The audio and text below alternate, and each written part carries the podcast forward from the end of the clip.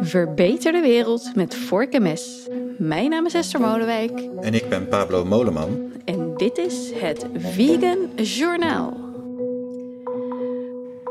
Pablo, als jij nou de intro-tune hoort van Studio Plantaardig, waar denk je dan aan? Ehm, ik ben helemaal blanco. Je bent helemaal blanco. Nou, kun, je uh, me even voor, kun je me even voor me neurien, Esther? nee, nee, er zijn bepaalde dingen die echt off-limit zijn in de podcast. En dat is dat ik ga zingen of uh, neurien. maar ik kan je een kleine omschrijving geven. Ik kwam namelijk afgelopen weekend een uh, dame tegen. En die kwam naar me toe. Uh, en die herkennen we van de podcast. Hartstikke leuk. En die zei, ja, ik ben altijd zo blij als vrijdag de podcast weer begint. En als ik de intro-tune hoor, moet ik altijd denken aan een huppelend konijntje. Leuk, hè? Heb jij dat niet? Nou, tot nu toe heb ik dat nog nooit gehad, maar ik, ik weet nu al dat ik dit niet meer uit mijn hoofd ga krijgen. Precies. Dus ik hoop dat alle luisteraars vanaf nu gewoon dat huppelende konijntje horen. Goed, dan uh, we moeten misschien even aankondigen dat we helemaal aan het eind van deze uitzending een gast hebben. Ik hou nog even geheim wie het is. En uh, ja, dan gaan we door naar de duurzame visweek. Nee, nee, de, de bewuste visweek. Oh, hè? Sorry. de bewuste visweek, ja. En uh, dan, dan denk ik gelijk, ah, dat is fijn, dat is een week die gaat over bewuste vissen. Over dat er meer bewustzijn moet komen voor dat vissen ook voelende wezens zijn met gevoelens, emoties die pijn kunnen voelen. Uh, maar dat valt een beetje tegen. Nee, Pablo, daar gaat het niet over. Het gaat over een promotieweek voor het bewust eten van vissen. Ja, dat we ons er in elk geval bewust van zijn dat we bewust voelende dieren met gevoelens en verstand aan het eten zijn. Precies. Nou, en er werd dus een onderzoek uitgevoerd door het Future Food Institute. En het blijkt dus dat uh, Nederlanders steeds vaker vis kiezen als, ja, quote, duurzaam alternatief. 65% van de respondenten vindt dat vis past in het duurzaam eetpatroon en dat het een flink verschil maakt met vlees.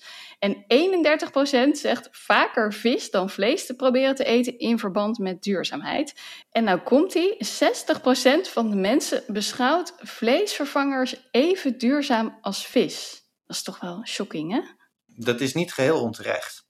Maar uh, het, is een, het is een ingewikkeld verhaal. Ik heb eventjes de database van het RIVM erbij gepakt om het te checken. En er zijn inderdaad een aantal vissoorten die net zo duurzaam zijn als, als de meeste vleesvervangers, of zelfs iets duurzamer. Maar er zijn ook een heleboel vissoorten die een flink stuk minder duurzaam zijn, die zelfs op het niveau van varkensvlees uh, zitten, bijvoorbeeld. En het hangt er ook nog eens een keer heel erg vanaf waar je naar kijkt. Ik heb nu dan naar CO2-uitstoot gekeken. Nou, er zijn dus een hoop vissoorten die minder CO2 uitstoten dan, uh, dan, dan, dan een hoop vleessoorten.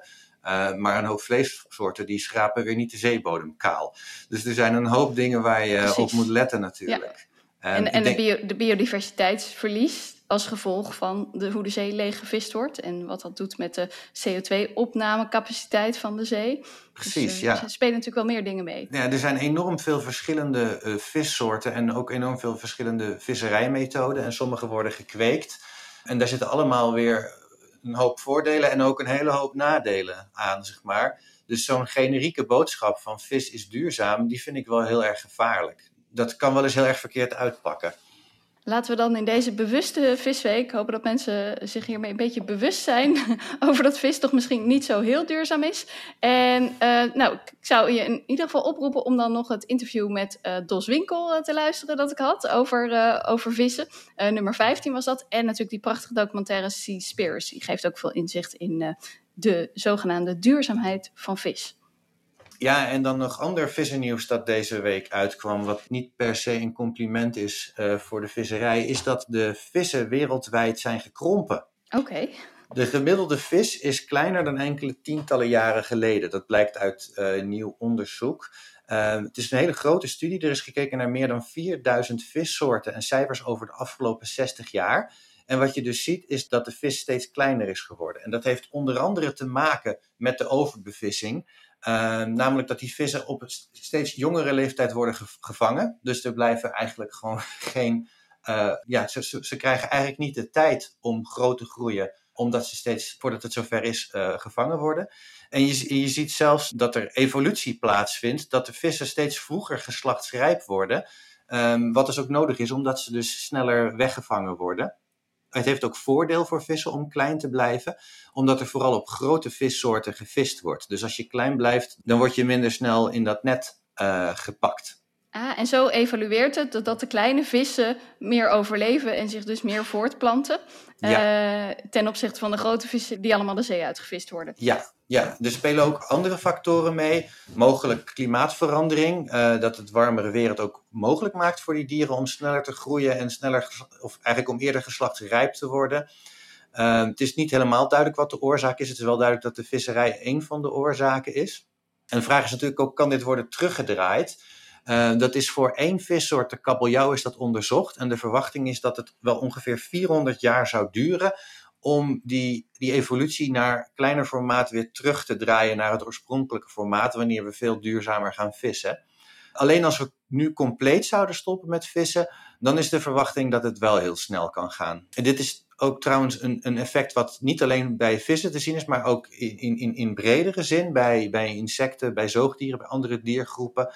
Um, dat door verstoring van het milieu, doordat er minder voedsel is. Um, kijk, hoe groter het dier, hoe meer ruimte ze nodig hebben. En hoe meer voedsel ze nodig hebben. En mhm. omdat wij niet zoveel ruimte en voedsel overlaten, is er dus ook een soort van evolutionaire selectie om kleiner te worden.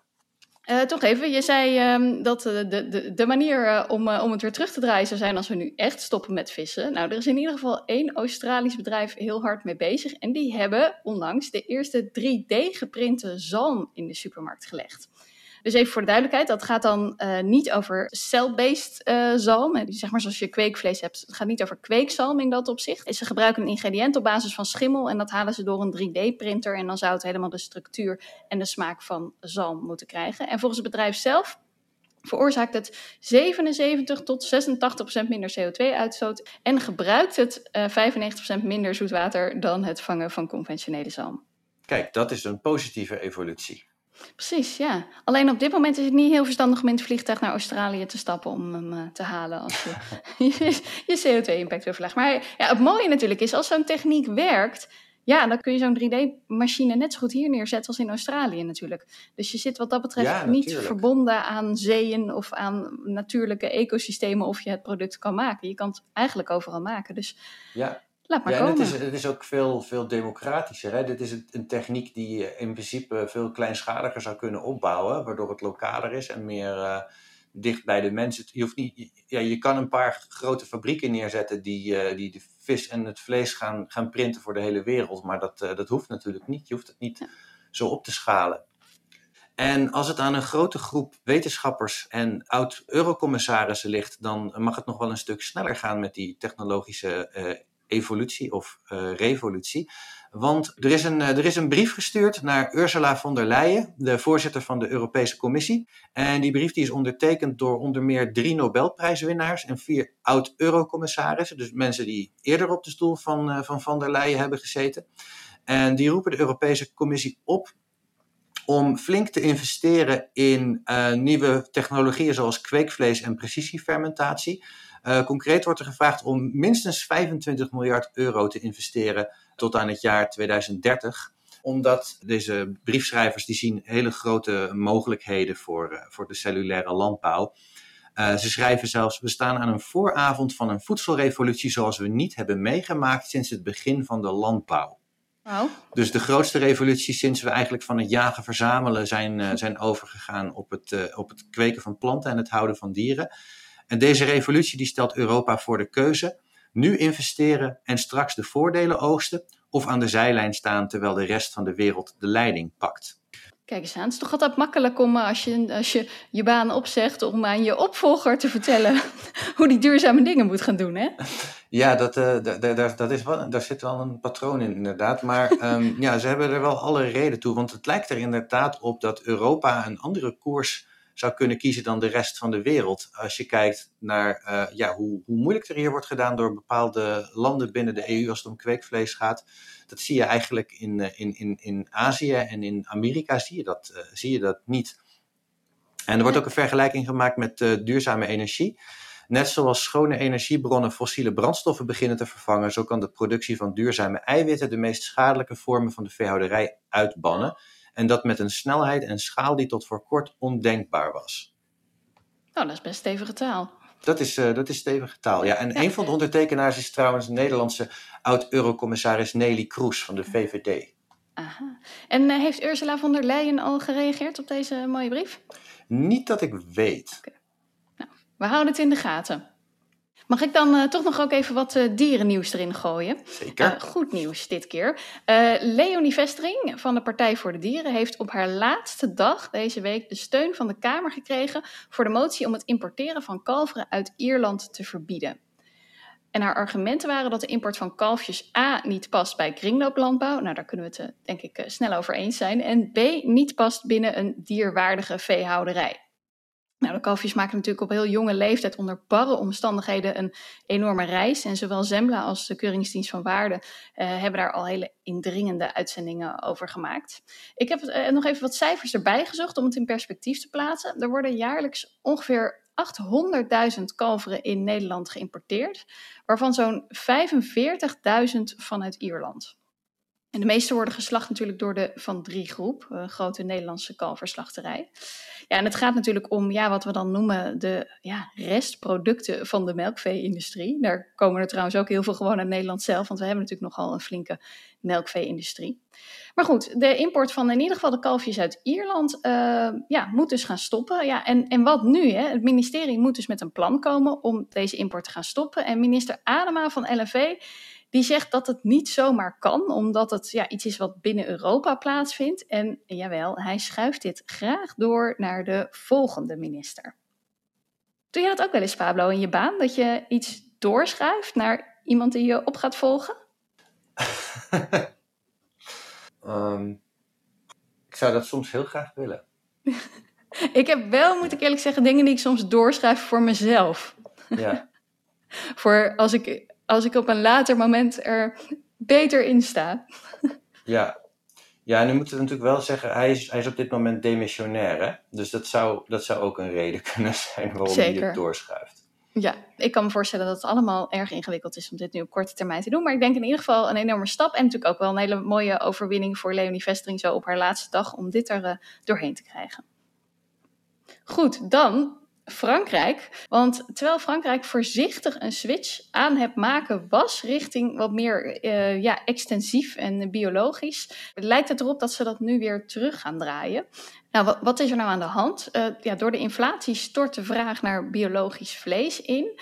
En de landbouwminister Marc Fesneau zei tijdens een grote agri-bijeenkomst dat Frankrijk moet werken aan quote meer goedkoop vlees. En nog zo'n mooie quote van hem: Dierenwelzijnskwesties werken alleen als we iemand vinden die wil betalen voor vlees van hoge kwaliteit. Nou ja, volgens mij uh, heb je uh, in het ministerie ook tools in handen om iets rondom die prijs te doen. Maar goed. Ja, en dit dus terwijl volgens het artikel dat ik erover las, Macron juist de weg had ingeslagen richting beter vlees en biologisch. Nou, een van de lobbyisten op de bijeenkomst waar dit artikel over ging, uh, die zei: We moeten in ieder geval niet het Zwitserse voorbeeld volgen dat zo duur is geworden dat zijn landbouwsector nu een sprookje is.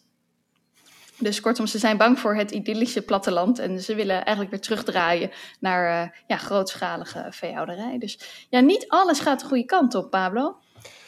Nee, zeker niet over terugdraaien gesproken. Ik weet niet of jij iets mee hebt gekregen over de Mac Croquette-rel.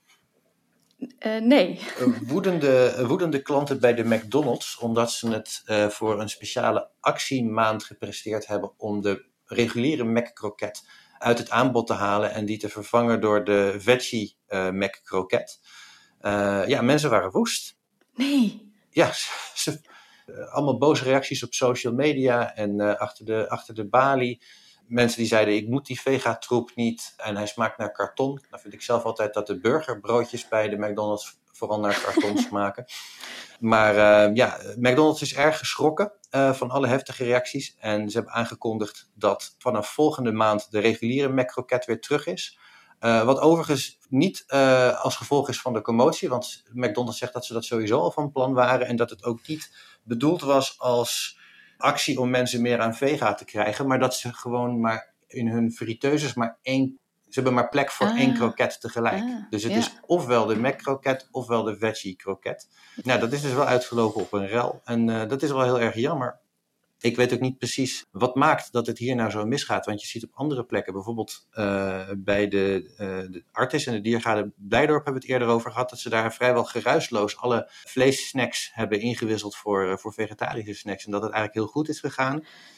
En misschien ligt het bij de klanten van de McDonald's ook wat, wat gevoeliger. dat zou ja. kunnen. Um, en laten we niet vergeten, je hebt natuurlijk maar een klein groepje mensen nodig om een rel te ontketenen. Uh, we hebben toevallig uh, laatst een onderzoekje uitgezet uh, met Proveg om te kijken hoe, hoe, hoe, Nederlanders in het algemeen tegenover staan om dierlijke producten standaard te vervangen. En als het ging om vleessnacks, dan bleek bijna twee derde van de Nederlanders daar ofwel positief tegenover te staan ofwel neutraal. Nou ja, dan hou je er nog wel 44% over die er dus echt negatief, negatief tegenover staan. Dat is natuurlijk nog best wel een, een groot aantal. Precies, en, die, en diegenen die het meest woest zijn, gaan natuurlijk de straat op. Degenen die er geen probleem mee hebben, daar horen we niet van. Nee, precies. Nee. Ja. nee. Nou, en dan uh, tot slot uh, wel goed nieuws, waar voor zover ik weet nog geen uh, protestacties op zijn gekomen. En dat is Apple, het computerbedrijf Apple heeft uh, aangekondigd om geheel te stoppen met dierlijk leer. Ja. En um, de luisteraars die daar twee weken geleden heel vroeg bij waren, die denken: hè, dat nieuws dat hebben we al een keer gehoord. Want we hebben het inderdaad, we hadden het oorspronkelijk meegenomen in de vorige uitzending. En toen deden we daar een beetje schamper over. Want ja, gebruikt Apple dan zoveel leer? In het nieuwsbericht daar ging het dan over de, de, de leren bandjes van de Apple Watches. En dat zijn er niet zo heel erg veel. Dus we deden daar een beetje lacherig over. Maar toen werden we door onze collega Stef tot de orde geroepen. Want het blijkt dus wel om substantiële hoeveelheden te gaan. Uh, want dat leer dat wordt door, of werd door Apple onder andere ook gebruikt in, in, in sleeves en in, in laptophoezen. Uh, dus ja, we, nou, we, schaamden ons daar een beetje voor. Dus we hebben, het, we hebben hem eruit geknipt. Ja, een be beetje gênant. Ja, ik dacht, het is zo fout. Dus we hebben het er meteen uitgeknipt. Dus alleen de eerste honderd luisteraars hebben denk ik s ochtends gehoord. Uh, de, de, rest zal, denken, zal waarschijnlijk nu denken, uh, waar hebben jullie het over? Maar hierbij dus het daadwerkelijke juiste item. Ja, en uh, ja, dan ga ik datzelfde belegen grapje ook nog een keer maken, Esther. Want ik heb wel een idee waar ze het door moeten vervangen. Vertel appelleer. dus ik, ik, ik, ik, wil hierbij graag aan, uh, aan Apple appelleren om appelleren Apple armbandjes te gaan maken. Oh, het is het alleen al waard dat je dit nog een keer mocht zeggen. Ja, dat moest. hey, maar toch even, Pablo. Uh, waar, waar, gaat het dan nog meer om? Dus niet alleen om die armbandjes, maar ook om. Het gaat dus ook om de laptophoesen en om de sleeves. Telefoonhoesjes okay. en die, die, ja, hoe noem je dat? Die klaphoesen die je om je iPad heen doet. Oké, dus uiteindelijk gaat het om best wel veel leer. En Apple heeft gezegd, wij willen daar niks meer mee te maken hebben. We verkopen niks meer van leer. Juist. Nou, mooie stap. En ik ben benieuwd of het ook appelleert aan uh, andere techbedrijven en leerverkopers. Om uh, bijvoorbeeld met appelleer aan de slag te gaan, inderdaad. Nou goed, dan onze gast. We hebben een gast vandaag. En ja, het is een collega van jou, hè, Pablo? Zeker. Maar uh, ik dacht, ja, zij heeft het project in kwestie dat we gaan bespreken getrokken. Dus het leek me goed om haar zelf uit te nodigen voor toelichting. Als het goed is, is ze al ingelogd. Uh, Freya Hiemstra, goedemorgen. Goedemorgen. Uh, wat doe jij bij Provig? Um, ja, mijn uh, officiële titel is Corporate Engagement, maar het komt erop neer dat ik uh, bedrijven help bij het aanjagen van de eiwittransitie. Dus op allemaal uh, manieren kijken hoe we bedrijven kunnen helpen om die transitie te versnellen. Kijk aan. En ja, nu gaan we het dus hebben over dat recent gelanceerde project Eiweet. Um, ik vond het heel interessant. Misschien is het goed als jij gewoon even kort vertelt waar het over gaat. Ja, het is een project in samenwerking met de Green Protein Alliance. En waar het om gaat is dat we samen met supermarkten hebben een monitor ontwikkeld, dus eiwit, waarin uh, je de verhouding dierlijke en plantaardige eiwitten in de totale supermarktverkoop kan meten. Aha. En, en gaat het dan alleen om zeg maar dierlijke producten en hun vervangers en dat die gemeten worden? Of wordt ook uh, de broccoli meegenomen en uh, nou, bij wijze van spreken de fles cola? Ik bedoel, wat, wat is... zit er allemaal in die database? Nee, alles, uh, alles wordt meegenomen, het hele supermarktassortiment, omdat juist uh, de eiwittransitie zit natuurlijk voor een deel in uh, minder vlees, minder zuivel. Maar ook bijvoorbeeld zijn er heel veel verborgen ingrediënten. Zoals bijvoorbeeld in uh, chips kan bijvoorbeeld eiwit zitten. Of in een appeltaart zit eiwit. Of in een kant-en-klaar maaltijd. En juist door alles in kaart te brengen, nemen we het hele assortiment mee. En ontstaat er ook een soort incentive voor supermarkt, voor de category managers, om ook die producten aan te pakken. Dus we nemen, we nemen alles mee. En alle supermarkten doen dat nu dus op dezelfde manier, waardoor je appels met appels kan vergelijken, om maar even in, in, de appels te blijven. ja, ja, precies. Dus dat is denk ik het mooie, dat wij publiceren in, in het voorjaar van 2024, dus aankomend voorjaar, publiceren wij een, een nulmeting. En die is over het jaar 2023 van alle eiwitten die in de Nederlandse supermarkten worden verkocht. En dan daar de verhouding dierlijk en plantaardig van. En dan ben ik natuurlijk heel benieuwd. Mogen jullie dan ook publiceren welke supermarkt het het beste deed? Of is het allemaal een beetje een, uh, iets in de breedte en, en nog anoniem wat dat betreft?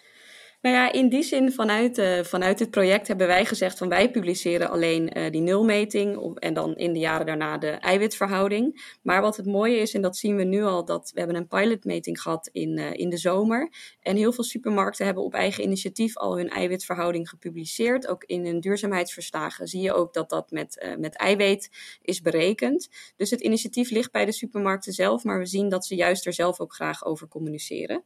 Dus eigenlijk dat is in die zin uh, is het nu al openbaar. Dus je kan het zelf opzoeken in uh, de duurzaamheidsverslagen. Aha, en doen alle supermarkten mee? Um, nog niet alle. We hebben wel alle grote zijn aan boord. Dus uh, Albert Heijn, Jumbo, Aldi, Lidl, Ecoplaza, Dirk en Plus. En uh, nou, meteen dan hier een open oproep voor, uh, mochten er supermarkten nu aan het luisteren zijn die nog niet in het rijtje zitten. Jullie zijn van harte welkom om aan te sluiten bij de projectgroep. Heb je, heb je er nou één op je lijstje staan dat je denkt, ik zit er al een jaar achteraan en ze doen maar niet mee. Die we hier eventjes een extra oproep moeten doen? Nou, ik wil graag een extra oproep doen aan de online supermarkten. Dus bijvoorbeeld aan Picnic en ook aan Crisp. Want ik denk dat zijn vrij, zijn vrij nieuw, maar juist des te belangrijker dat ze ook meteen al meegaan, meegaan in dit project. Nou, helder. Pablo, heb jij nog vragen aan je eigen collega over dit uh, onderwerp? Het zou een beetje raar zijn. Uh.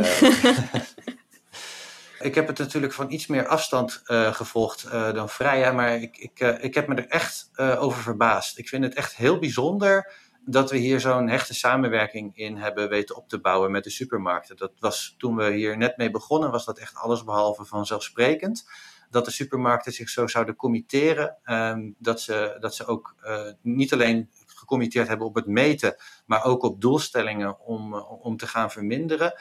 Um, ja, dat, dat vind ik echt wel heel, heel veelbelovend. En ook best wel uniek in de wereld. Ik ken eigenlijk niet heel veel voorbeelden van andere landen uh, waar dit al op deze schaal gebeurt. En Pablo, je zei dat ze zich ook committeren op doelstellingen. Wat, wat, daar ben ik dan wel benieuwd naar. Wat, wat zijn die doelstellingen dan? Uh, de meeste supermarkten die hebben zich gecommitteerd op de 50-50 doelstelling die ook, het, uh, die ook de Nederlandse overheid hanteert. En uh, die willen dan bijvoorbeeld in 2030 naar 50-50.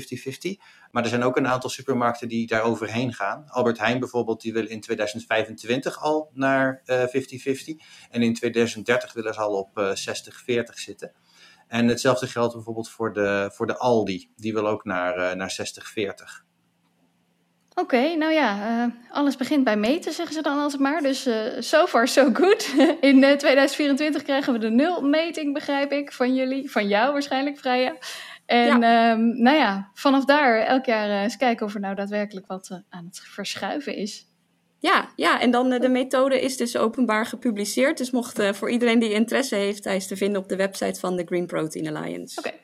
Top, die link gooien we in de show notes. En we zijn ook bezig met cateraars en met zorginstellingen. Dus mocht er interesse zijn uh, om ook in die sectoren eiwitten te gaan doen en de eiwitten te meten, neem vooral, uh, neem vooral contact op. Goed, dankjewel voor je komst, Freya, voor je toelichting. En uh, Pablo, wij spreken elkaar over twee weken weer. Is goed, tot dan. Oké, okay, tot dan.